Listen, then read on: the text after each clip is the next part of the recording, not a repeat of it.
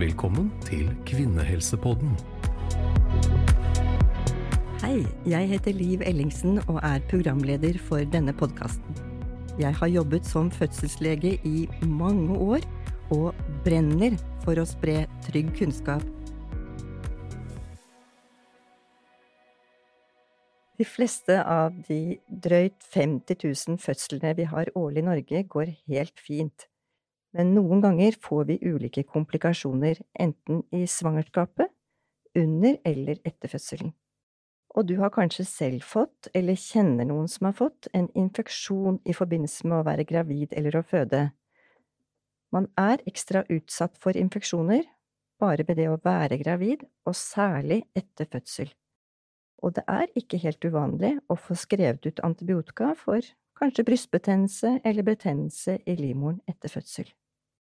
En som forsker på dette området, og som kan veldig mye om infeksjoner i forbindelse med graviditet, fødsel og barseltid, er overlege Sedina Kvalvik ved fødeavdelingen ved Haukeland universitetssykehus, og hun er også stipendiat ved Universitetet i Bergen. Vi skal snakke med deg straks, Sedina, men først vil jeg også introdusere Helene som sitter ved siden av deg her. Helene Jantli hadde en ganske ukomplisert graviditet og fødte en fin og frisk jente, men en drøy uke etter en nokså tøff fødsel lå hun under pleddet og hakket tenner. Sykdomsfølelsen kom helt akutt, og på kort tid hadde hun 40 feber. Og på sykehuset viste det seg altså at Helene hadde en infeksjon, og at ikke hele morkaken var ute. Så vi skal høre din historie, Helene, rett etter at vi har tømt Sedina for informasjon om dette viktige temaet. Så tusen takk for at dere er her i dag, begge to. Takk for at vi fikk komme. Mm, tusen takk. Sedina, vi hopper rett i det. Hvor ofte får noen infeksjon i forbindelse med graviditet og fødsel og barseltid? Vel, jeg skulle ønske jeg kunne gi deg et veldig konkret svar på det, Liv, men faktisk så er det sånn at det er gjort veldig lite forskning på forekomsten av obstetriske infeksjoner. Og med det mener jeg da infeksjoner som rammer kvinnen mens hun er gravid, mens hun ligger i fødsel, og etter fødselen, altså i barseltiden, opptil seks uker etter fødsel. Og det finnes knapt noen studier i Norden, og i hvert fall ingen i Norge, som har sett på dette fenomenet. Det er jo sånn at eh, infeksjoner er ganske vanlige, eh, og vi skjeler til Sverige og en studie som er gjort på akkurat barselinfeksjoner, hvor man har sett på eh, egenrapporterte spørreskjema fra kvinner, som da har blitt tilsendt disse skjemaene og blitt spurt om fikk du antibiotika etter din fødsel. Eh, og da viste det seg at det var 10–12 prosent som hadde svart ja på det, men studien så ikke på om de hadde fått forskrevet resept, om noe lege hadde vært med og undersøkt. Men faktisk så har eh, min forskningsgruppe på Kvinneklinikken i Bergen sett på forekomst av infeksjoner i vår lille befolkning, altså vi har 5000 fødsler i året, litt mindre, nå er jo fødselstallene litt fallende de siste årene, det vi gjorde da, var at vi inkluderte alle kvinner som har vært inne på vårt sykehus, enten innlagt eller poliklinisk, og fått en behandling eller en utredning for en mistenkt infeksjon. Og da fant vi at 7,8 prosent av alle kvinnene et år hadde fått en infeksjonsdiagnose. Så litt under 10 prosent? Litt under 10 prosent, og da kan man si at de resterende prosentene opp til 10 til 12 de finnes kanskje i primærhelsetjenesten, vi undersøkte jo bare de som var hospitalisert, bare de som var inne til en sjekk hos oss.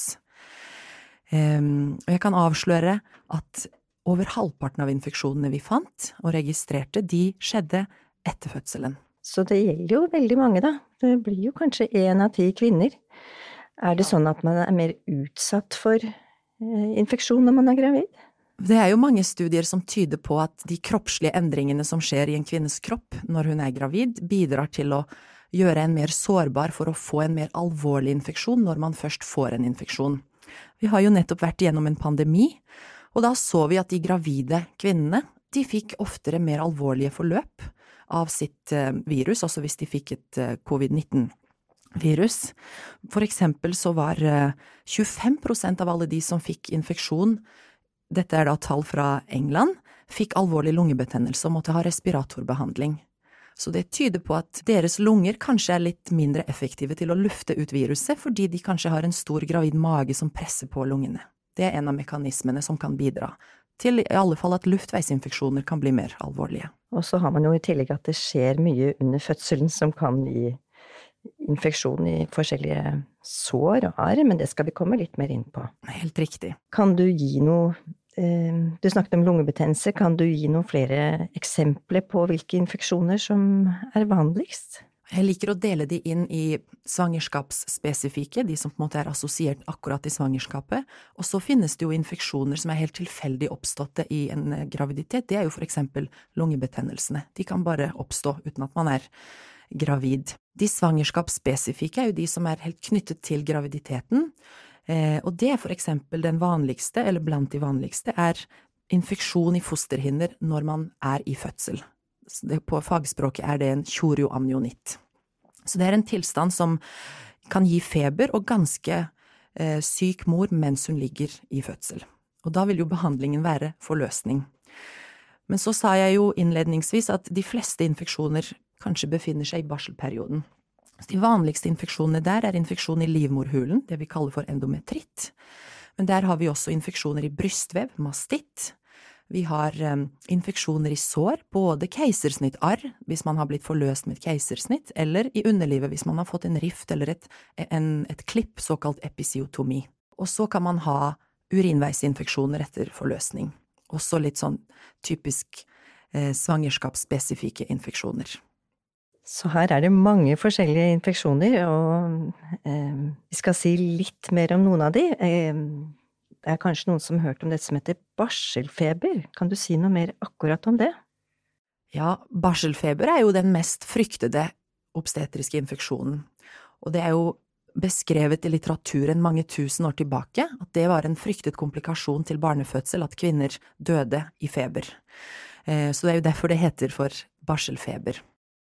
Men sett fra et litt sånt annet synspunkt, så er jo barselfeber, i ordets rette forstand, assosiert med en spesifikk bakterie som vi er litt redde for, og det er en gruppe A-streptokokk, eller streptococcus pyogenes, heter den. Og det er en mikrobe som i en postpartum-kropp eller en forløst kropp kan lage ganske hissig infeksjon, og som ubehandlet kan være ganske farlig. Eh, det er jo sånn at Grunnen til at vi er redde for den, er jo fordi den er assosiert med en overdødelighet. På verdensbasis så ser vi at, og det er ganske ferske tall fra Verdens helseorganisasjon som viser at av gravide og forløste kvinner som dør i sykehus, så dør 50% av blodforgiftning. Eh, og veldig mange av de dødsfallene er koblet mot pyogenes, eller gruppe A-streptokokk. Det er jo veldig alvorlige tall. Heldigvis så følger vi også med dette norske forhold. Og både Sedina og jeg er med i en gruppe som ser på dette på mødredødsfall i Norge. Og da ser vi at det er enkelte som faktisk også dør av det vi kaller for sepsis. Men det er veldig, veldig sjelden, og det er ingen tegn på at det øker. Det er riktig, det er heldigvis en svært sjelden hendelse. Um, og i vårt land og i Skandinavia er det jo, sammenlignet med resten av verden, veldig, veldig sjelden. Så vi tenker den rapporten fra Verdens helseorganisasjon er en god grunn for at vi skal se mer på denne tilstanden, blant annet ved å finne ut hvor mange slike infeksjoner har vi i Norge, og hva kan vi gjøre for å behandle de effektivt og raskt, sånn at vi ikke kommer dit at kvinnen får en mer alvorlig infeksjon. Så vårt fokus er primært å diagnostisere og behandle infeksjonene tidlig, og unngå de alvorlige forløpene. Og det er fint, og dette er en del av ditt forskningsprosjekt, så det venter vi på resultatene av det pinsedina.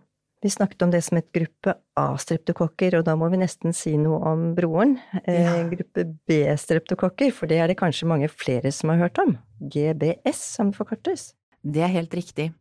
Eh, og streptococcus eh, agalactia heter det på eh, latin. Det er jo en mikrobe som lever i tarmen og den lever opp til, hos opptil 40% av alle gravide som en helt normal variant av en tarmbakterie. Så det er ikke noe galt i seg selv å være bærer av den mikroben.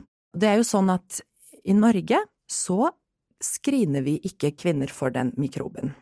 Vi har en såkalt risikobasert strategi, det vil si, hvis en kvinne har opplevd å ha dette i sin forrige graviditet, eller har fått et barn som har fått denne infeksjonen etter fødselen, så er hun en risikogruppe, og da vil vi passe litt ekstra på henne i neste. Men det finnes jo land som screener hele sin gravide befolkning, for eksempel i USA, så eh, tester de for gruppe B-streptokokker, ved vannavgang for å finne ut om akkurat den kvinnen i akkurat det øyeblikket når hun får vannavgangen, har den bakterien. Dermed gir de penicillin.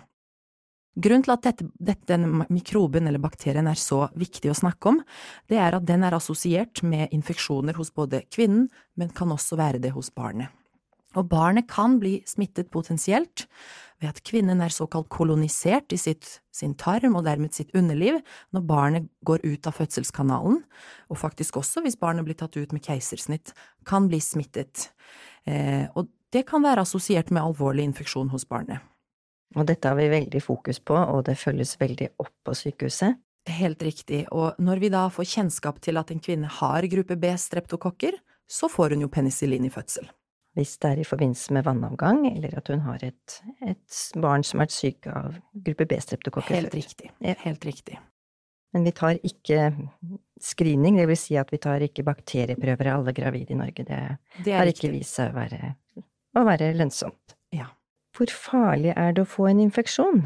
Kan du si eh, Det kan være alt, selvfølgelig, fra lett infeksjon til alvorlig infeksjon. Eh, kan du si noe om eh, de forskjellige gradene av alvorlighet? Ja, så alle de infeksjonene jeg nevnte som jeg kalte for svangerskapsspesifikke infeksjoner, alle de, hvis ubehandlet, kan jo bli en blodforgiftning hvis de ikke blir oppdaget og behandlet. Så jeg tenker at vi må eh, tenke sånn at enhver infeksjon har et potensial til å bli alvorlig, men heldigvis så rekker de ikke det. De når sjelden så langt at de blir livstruende. Og det handler om at vi diagnostiserer de, vi sjekker kvinnene, vi måler blodtrykk og puls og temperatur og oppdager at kvinnen holder på å sykne inn. På den måten gir vi antibiotika, eventuelt andre tiltak, og stopper infeksjonen. Så det jeg kan fortelle om, er at andelen av de infeksjonene som vi fant i vårt materiale, som har også totalt sett i den gravide befolkningen, så var det veldig få prosent som ble veldig alvorlig infeksjon eh, ca. 0,5% Og det passer også med litt internasjonale tall, da, som jeg har sett på. Eh, man kan jo ikke på en måte basere alt på en studie fra ett sykehus, det skal man jo ikke gjøre, men det er på en måte ett lite innblikk i, i hva vi har. Og da tenker jeg at det er svært sjelden at det blir veldig alvorlig, men summa summarum så er det mange infeksjoner. Så opp mot 8% Litt tilbake til hvordan man påviser infeksjon, for du sa feber, og det er jo kanskje det, det første symptomet som man eh, skal være litt obs på, men det kan jo være mange grunner til at man får feber. Ehm, hvor høy skal feberen være før man eh, kaller det infeksjon? Ja, altså nå er jeg gift med en infeksjonslege, så han er ganske streng på det. Du får ikke lov å kalle det feber før du er oppe i 38, i hvert fall.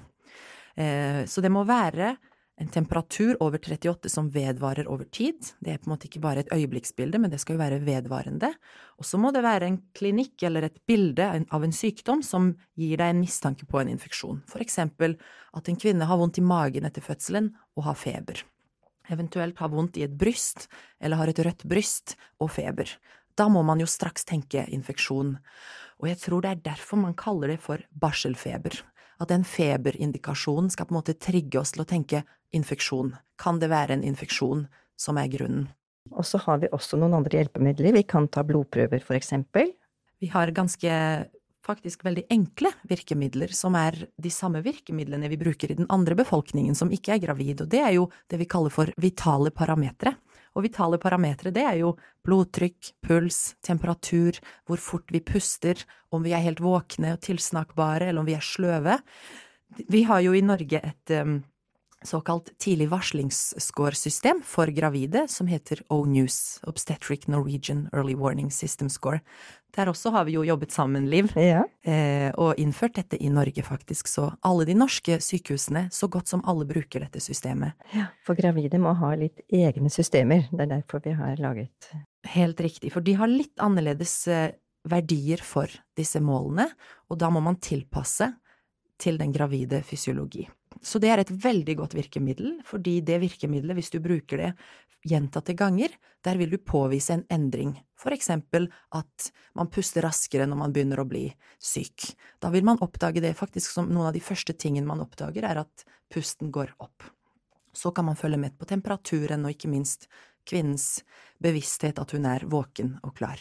Eh, I tillegg til dette, hvis man har en klinisk mistanke på infeksjon, så bør man ta prøver. Og prøvene de bør sikres raskt og målrettet, og de viktigste prøvene man tar, det er prøver fra blod, det vi kaller for blodkultur. På en såkalt febertopp med temperatur 38 eller mer, så tar man en prøve fra hver arm, og man ønsker med dette å sikre bakterien i blodet, for å være sikker på at man får napp på den mikroben som forårsaker sykdom. I tillegg til det så tar man hvite blodlegemer, man kan ta CRP, som er en sånn hurtigsenkning. Man kan Dette også altså blodprøver? Blodprøver, ja. ja. for eksempel ulike organparametere, slik som eh, nyreprøver, leverprøver. Dette kan man ta. Og så, eh, hvis man har tilgang på det, hvis man tenker at infeksjonen sitter i et bryst, da bør man melke litt melk ut av brystet og dyrke den melka for å se hvilken bakterie er det som forårsaker infeksjonen. Fra livmoren kan man ta prøver for å dyrke den mikroben som er inni livmoren. Så det er veldig sånn målrettet og egentlig enkelt å tenke der er det vondt, så da tar jeg prøve derifra. For eksempel fra keisersnittarret. Dette er veldig viktig, da, selv om man kanskje gjerne vil være i fred når man har feber, så er det veldig viktig at man får sikret disse prøvene. Ja, for på sikt, når man da får, hvis man er heldig og får oppvekst, så vet man nøyaktig hva man behandler, og da kan man lettere peile den antibiotikaen inn på det rette, den rette mikroben og gi den riktige behandlingen. Og rett og slett bli raskere frisk. Ja, faktisk. Og nå snakker vi om behandling, og da skal vi gå litt over på antibiotikabehandling. Antibiotika er jo veldig viktig i forbindelse med infeksjoner. Mange er kanskje redd for å bruke antibiotika når de er gravide eller når de akkurat har født, redd for at det går over i melken. Kan du si noe mer om hvordan man vurderer antibiotika til gravide og de som er født? Ja, antibiotika er jo akkurat som du sier noe av det viktigste vi har for å overleve alvorlige infeksjoner.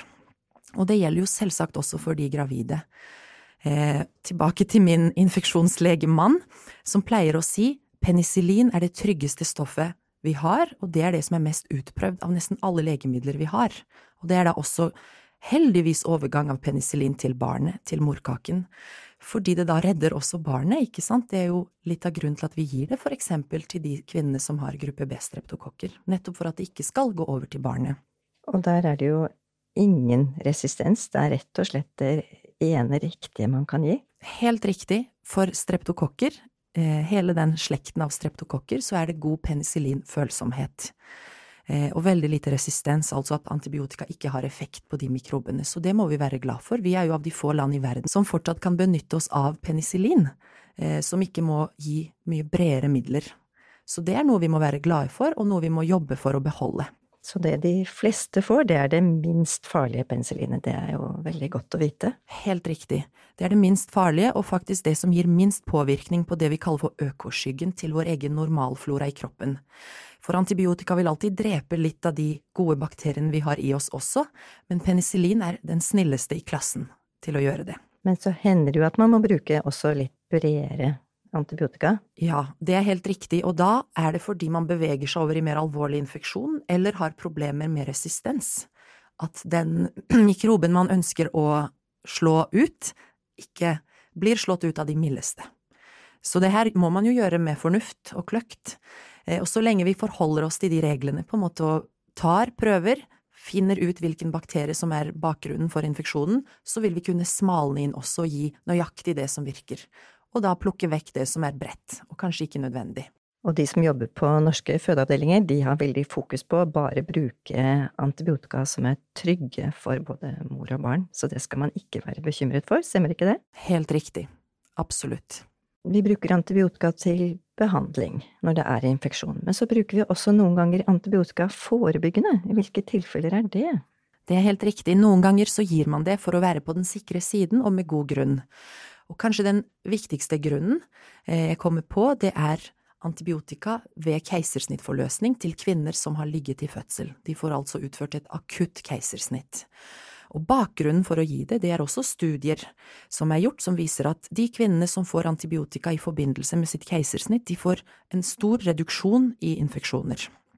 Og det er veldig, på en måte, hvis du tenker logisk på det, en kvinne som har ligget i fødsel med vannavgang, hvor alle disse kroppsegne bakteriene har fått lov å vandre opp i livmorhulen, de vil jo potensielt kunne gi en infeksjon hos denne kvinnen som så skal få utført et keisersnitt. Derfor gir man en god dose antibiotika i forbindelse med keisersnittet, eller gjerne like før, så man har en god og høy konsentrasjon i blodet. Så når man da setter kniver i den livmoren, vil ikke de mikrobene få lov å gjøre noe skade. Det er det ene tilfellet som kanskje er kjempe, en av de kjempeviktigste grunnene.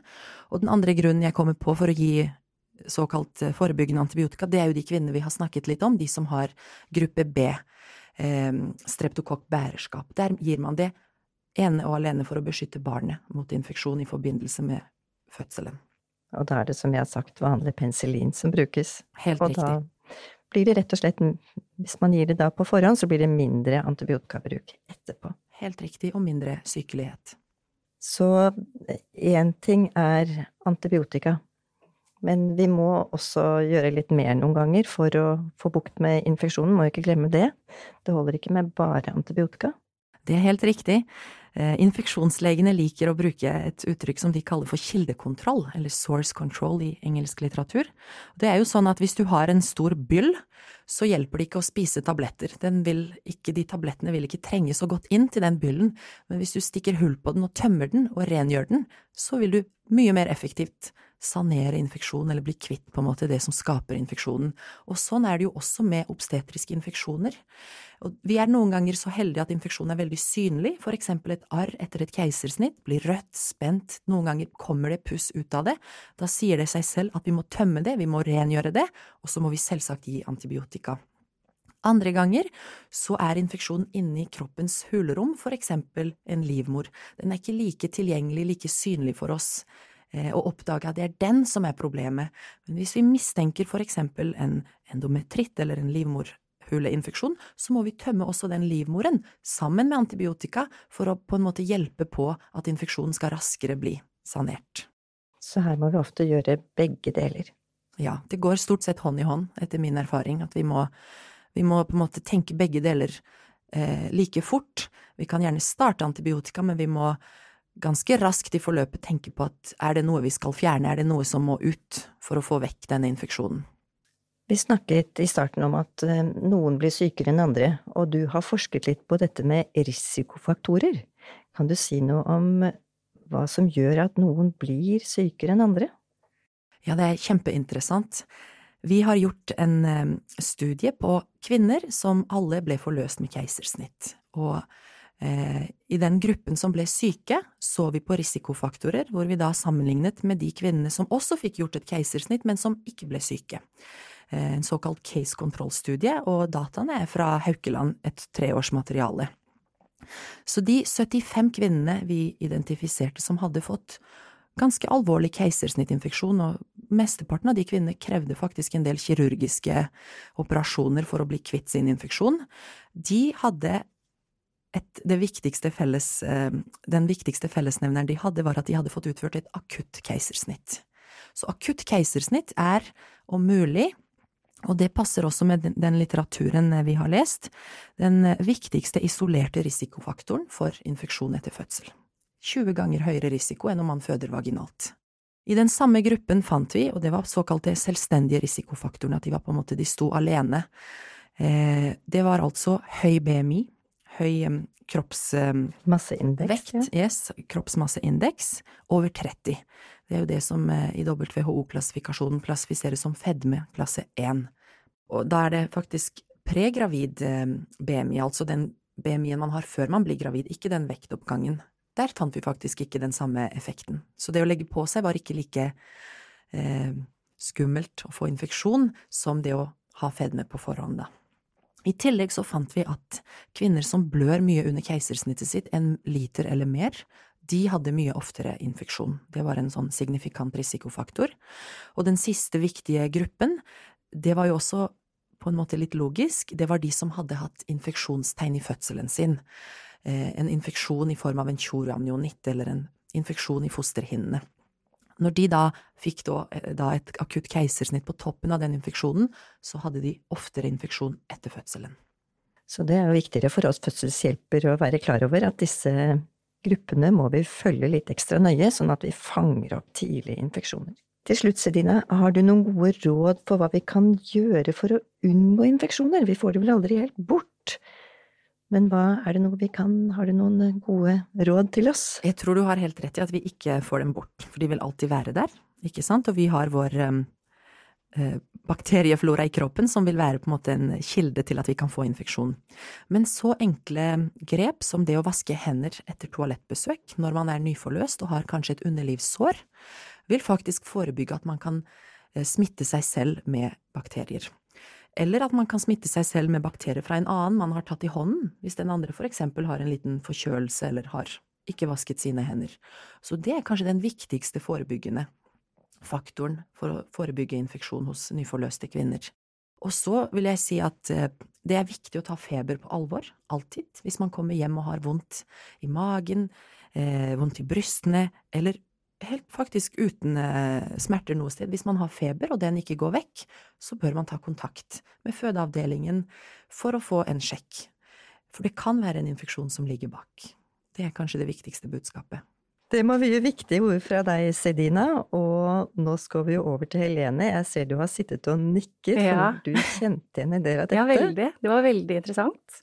Så jeg tror kanskje historien min passer ganske bra til mange av de tingene du nettopp fortalte om, så det var veldig fint. Ja, mm -hmm. Og nå tar vi det helt fra begynnelsen, for du var gravid med ditt første barn. Ja. Og hvordan gikk egentlig graviditeten din? Den uh, gikk uh, fint. Jeg hadde vanlige plager, kvalme og de vanlige tingene. Ja. uh, men jeg gjennomgikk covid, og det var jo tidlig, før vaksine og det var jo den første runden. Ja, det var jo også et eksempel på en infeksjon ja, du fikk da. Ja.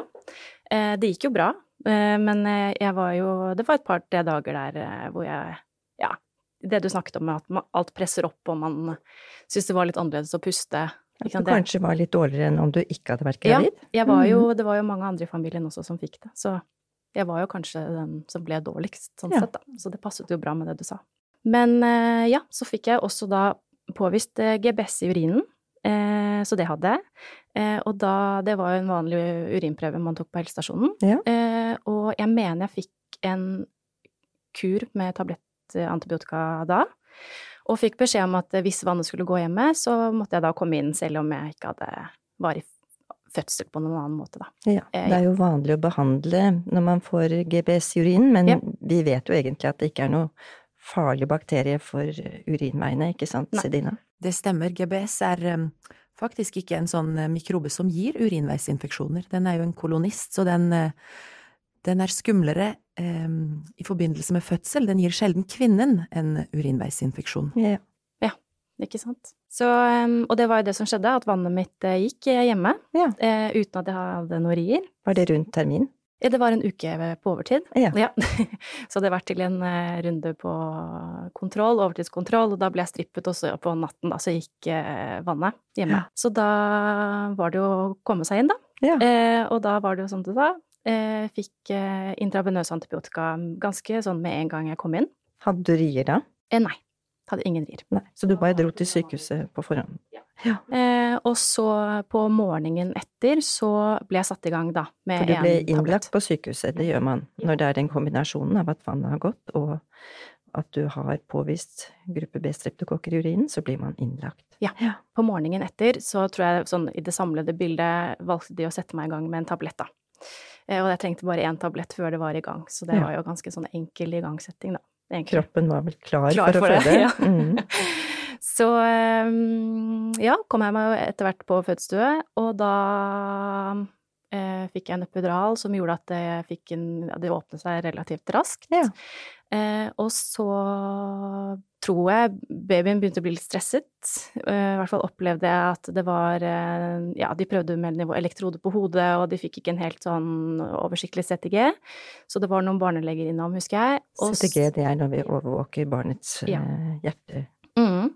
Mm. Og så begynte jeg å få trykketrang, og så Det er litt sånn vagt, akkurat det bildet der, men, men det ble i hvert fall bestemt vakuum til slutt, fordi jeg opplevde at grunnen var at de babyen jeg, Når jeg presset, så liksom smatt hun inn igjen når ringen var ferdig.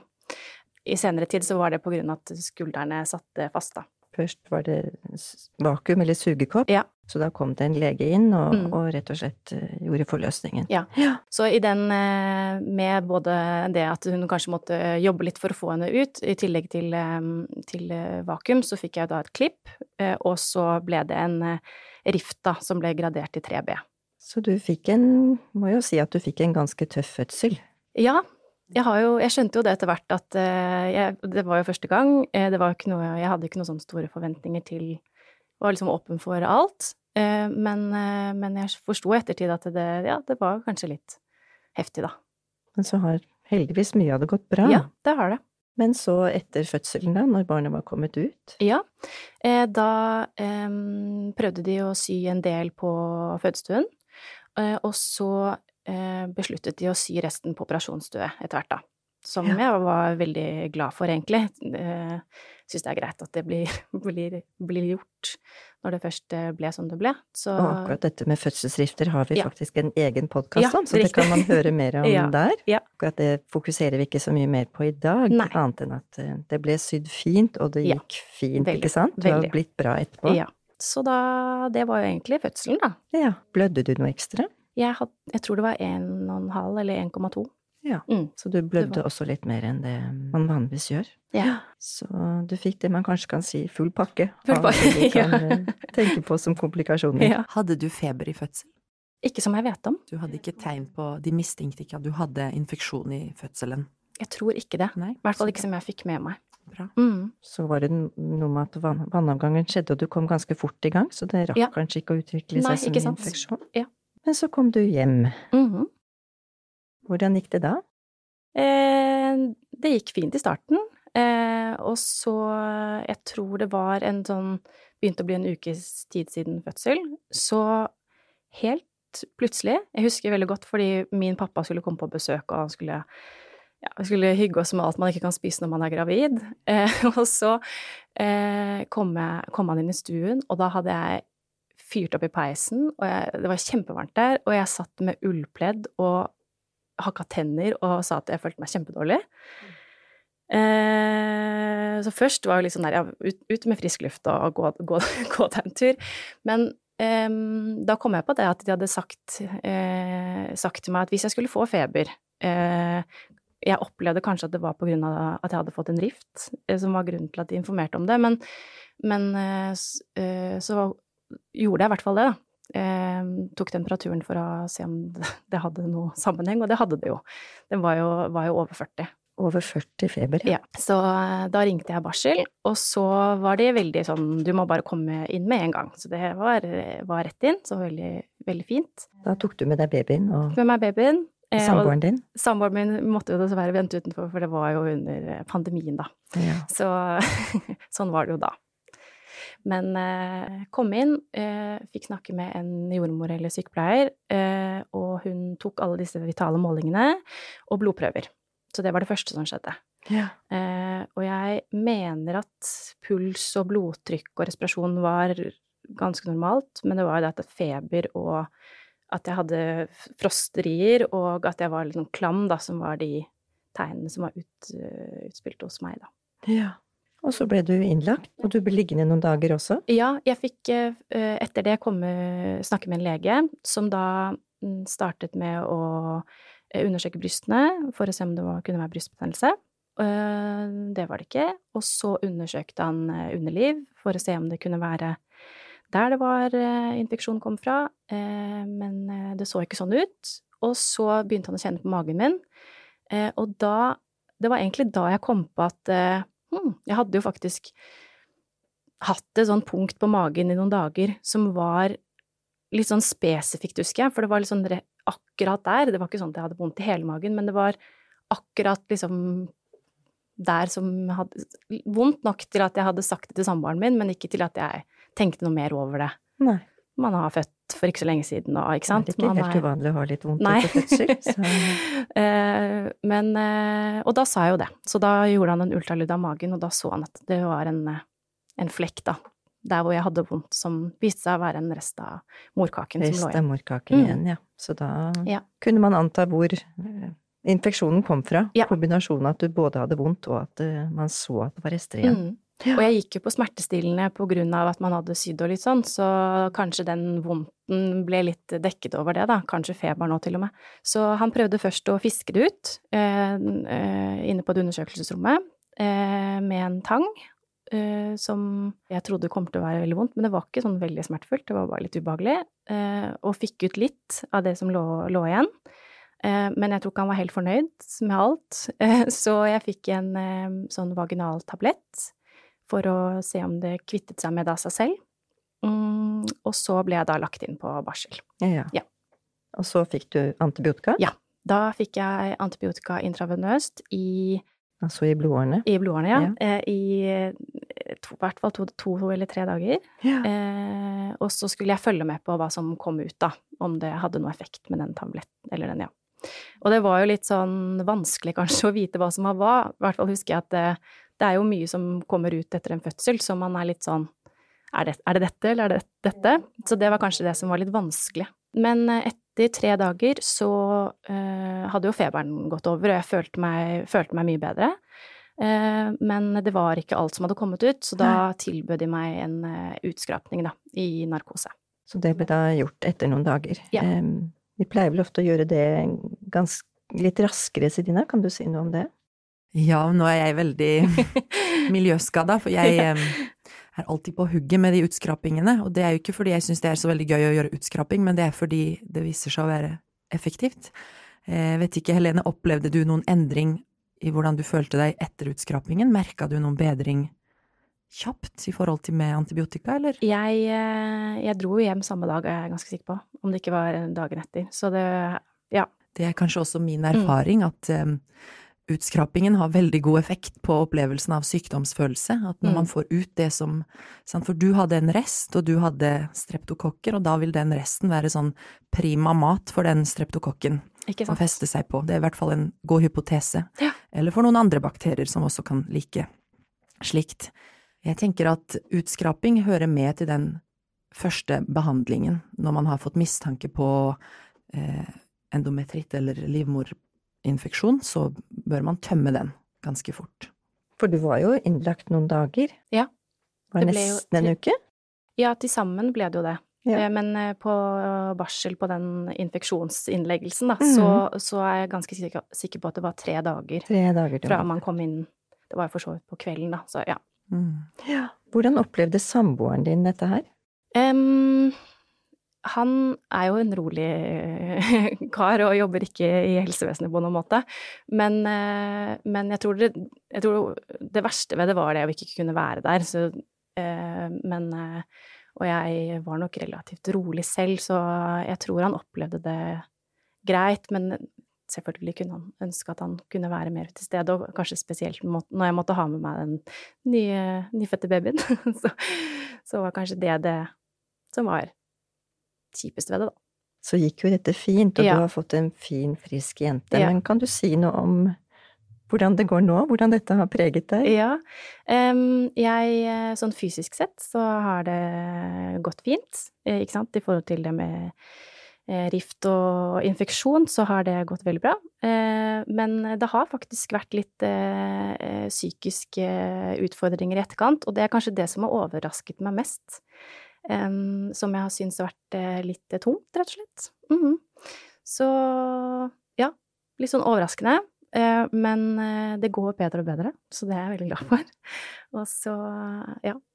Mm. Det ble litt mye sånn i starten, da. Det er vel også vår erfaring at Mm. eh, når det skjer så mye rundt en fødsel, så trenger man jo tid på å bearbeide det. Ja. Kan- Mm. Det har du Det har jeg kjent på, gjort ja. godt, og Ja. Nå har du det bedre og har det bra nå. Ja. Sedine, har du noen kommentarer til Helene sin historie? Jeg vil takke deg for at du er så modig og deler historien din med oss, Helene. Jeg syns det var veldig tøft gjort. Ellers så syns jeg det er lærdom å ta også Ja. av din historie. Mhm. At, um, du har jo på en måte hatt mange risikofaktorer for å Ja. få en infeksjon. Ja. Virkelig, du har på en måte en sånn lærebok. Ja. Kasus. ja. Jeg tenker at um, vi kan aldri bli gode nok. Vi kan alltid bli bedre. Mm. Og det er jo målet med alt dette vi gjør, at vi ønsker å finne områder i diagnostikk og behandling hvor vi kan bli enda raskere og mer effektive og Mm. tilby raskere og bedre behandling, da. Helene, du har hørt Sedina. Har Ja. du noen spørsmål til henne? Noe du gjerne skulle snakke litt mer om? Jeg, jeg, jeg syns jeg fikk uh, veldig god informasjon, så jeg syns at dette her var uh, veldig interessant for meg. Uh, så jeg har egentlig ikke noe spørsmål nå, egentlig, altså. Jeg, jeg ble veldig godt informert om alt du sa, Det så det er veldig av. bra. Så stas. ja. Er det noe vi skal si til slutt, Sedina? Nei, det er eh, Jeg blir aldri ferdig med den håndhygienen, men det er altså det å eh, passe på å ikke få den infeksjonen i første rekke, og hvis man først har eh, fått feber, så må man ta kontakt med fødeavdelingen og få en grundig sjekk, og vi fødeleger da, som møter de kvinnene, må tenke at hver feber, hver feber hos enhver kvinne kan representere en infeksjon, og det må vi utelukke. Så det må vi alltid ha i hodet. Og så er det da godt å vite at vi bor i et land hvor vi har god behandling, og hvor vi kan eh, gjøre det trygt, og at eh, vi kan gjøre behandlingstiden så kort som mulig både for mor og barn. Helt sant. Det prøver vi å få til i samarbeid. Det er helt sant. Tusen takk til deg, Helene, for at du kom og delte den sterke historien din. Takk.